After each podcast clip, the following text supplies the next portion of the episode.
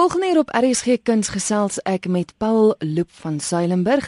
Hy is artistieke direkteur en dirigent van die Bloemfontein se Stadsorkes. Jy moet sê is lekker om altyd nuus daai Bloemfontein uit te kry. Paul sê vir my die Bloemfontein se Stadsorkes, hoe lank bestaan julle nou al? Man, ons is nou amper 2 jaar oud. Hierso in April gaan ons ons tweede verjaardag vier. So dis 'n nuwe nuwe projek. En hoekom die besluit om dit te begin? Ag maar daar was 'n klomp redes en en as ek terugdink aan, is ek bietjie heeltemal seker hoekom ons dit begin het, maar die resultate is so fantasties dat ek dink ons het iets vir 'n verandering reg gedoen.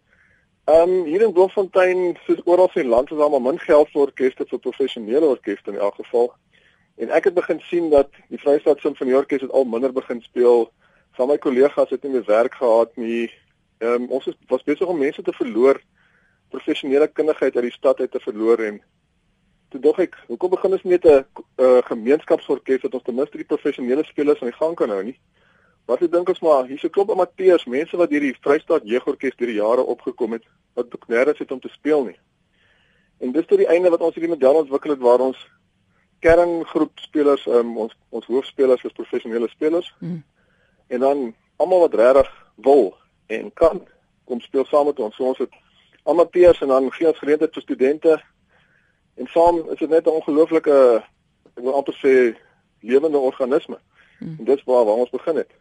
Nou, ek het genoem dat jy die artistieke direkteur is, maar jy's ook die dirigent, maar jy self speel ook uh, trompet as ek reg is, né? Ja, ek het nou maar gekwalifiseer as 'n trompetspeler en ek weet nie of jy uiteindelik ooit regtig leer om 'n dirigent te wees nie. Jy as jy weer eendag sien dan staan jy voor 'n ding wat hulle 'n dirigent voor nodig het en dis wat met my gebeur het. Ek het uh, toe op skool gegee het, het ook maar bietjie gedoen en selfs in die weermag was het ek 'n bietjie gedirigeer. So ja, eintlik is ek 'n voltydse trompetspeler, dis waarmee ek altyd nog my brood en botter verdien het, maar die regeer is is is lekker uitdagend. Nou ek moet sê julle dink vir my bietjie uit die boks uit. Ek kyk onder andere na wat julle gedoen het, uh musiek van Queen saam met Joseph Clark en daar was ook 'n tas vol Lloyd Webber wat by die Vryfees was. Ja, ek dink ons hele ons hele uitgangspunt is dat dis nie net nog 'n simfonieorkes op 'n verhoog nie. En hmm. as iemand anders dit al gedoen het, dan wat is die punt om om dit weer te doen? So elke projek wat ons doen is is iets nuuts. Daar moet iets spesiaals wees. Ons moet iets gee wat die verhoor nie verwag het nie. Dis ons eerste belangrike punt. Tweedens, ons is 'n vermaaklikheidsbedryf. Mense moenie na die konsert kom en dink jy my horlosie gaan staan nie. Ek ek verveel nie. Hulle moet uitloop en sê, "Ja, ons moes nog gehoor het." Hulle moes nie opgehou het nie en Ek dink dit is ons uitgangspunt. Queen was 'n goeie voorbeeld. Dit was 'n fantastiese konsert gewees. Die Andrew Webber het ook ontsettend goeie terugvoer van gehad. En in in hierdie jaar se planne het ook dieselfde aanklank. Ons gaan ons gaan groot of ons gaan uit toe. En ek dink ook dis miskien die feit dat ehm um, daar's 'n sekere sekere stigma aan orkeste en die musiek wat hulle speel en jy laat mense bietjie anders daaroor dink. Ek dink is heeltemal reg. Ek bedoel ek self as as as iemand wat groot geword het uh, in in 'n in 'n huis vol met musiek sit baie keer in konserte dan dink ek joh, kan ons nie net klaar kry dat kan huis toe kom nie. is jy ernstig? Dit is wenig vir my orkeste nie. Dit is dis enige klassieke konserte en ja. dit is ek dink waar ons verkeerd gaan as klassieke musikante. Dan moet iets wees wat die mense trek. Die mense mense mense moet dit geniet. Dit moet hulle vashou. Dit moet 'n belewenis wees. Die ervaringsekonomie moet ons in dit inbring. Dit is hmm. dit is belangrik in in die kuns en ek dink baie mense in die kuns of dit nou visueel of musiek is, het daai ding bietjie vergeet. Nou jy het genoem dat jy nou groot planne het vir 2014 en ons kyk nou na die eerste konsert wat jy aanbied. Dis op 6, 7 en 8 Maart. En die titel is A Space Odyssey. Kan ek aanneem dit sluit aan by die baie bekende film? dit dit inderdaad is is dit daardie film wat ons eintlik maar die naam van gespeel het moet ek erken. dis 'n dis 'n ongelooflike opwindende projek en ons is nou op die oomblik besig met om hierdie hele ding tegnies aan mekaar te sit en ek moet sê soos elkeen van hierdie projekte dink ek het ons elke keer 'n bietjie te groot gebyt. Maar as jy nou hierso in die laaste tonnel is voor die konsert, ek kan nou sê ons gaan nie meer nie.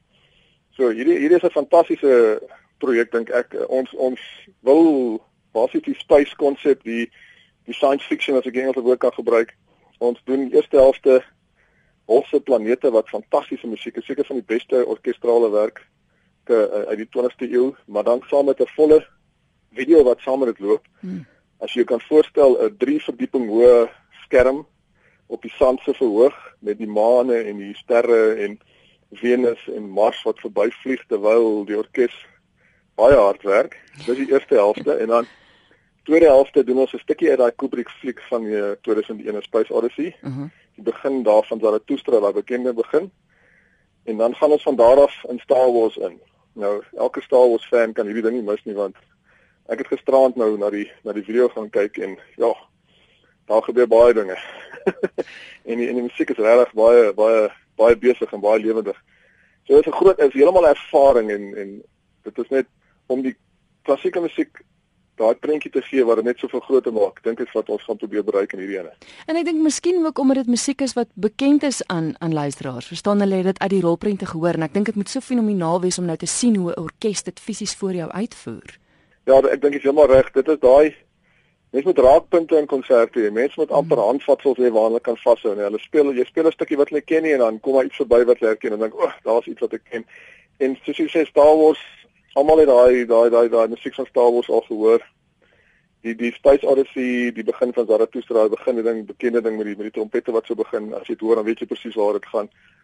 Maar nog steeds is dit van die beste musiek wat in die 20ste eeu gekomponeer is. So mense moenie dink dit is omdat dit amper kommersieel is. Dit swak, dit is nog steeds fantastiese musiek. Goed, so dis 6, 7 en 8 Maart, waar tree julle op? Ons is in die Sandoplisie Theater op die groot verhoog Ja, 678 Maart hier so in Bloemfontein. En is dit is dit al drie vertonings in die aand, Paul? Al drie vertonings is die aand, dis 08:30 in die aand. En kaartjies, waar is dit beskikbaar?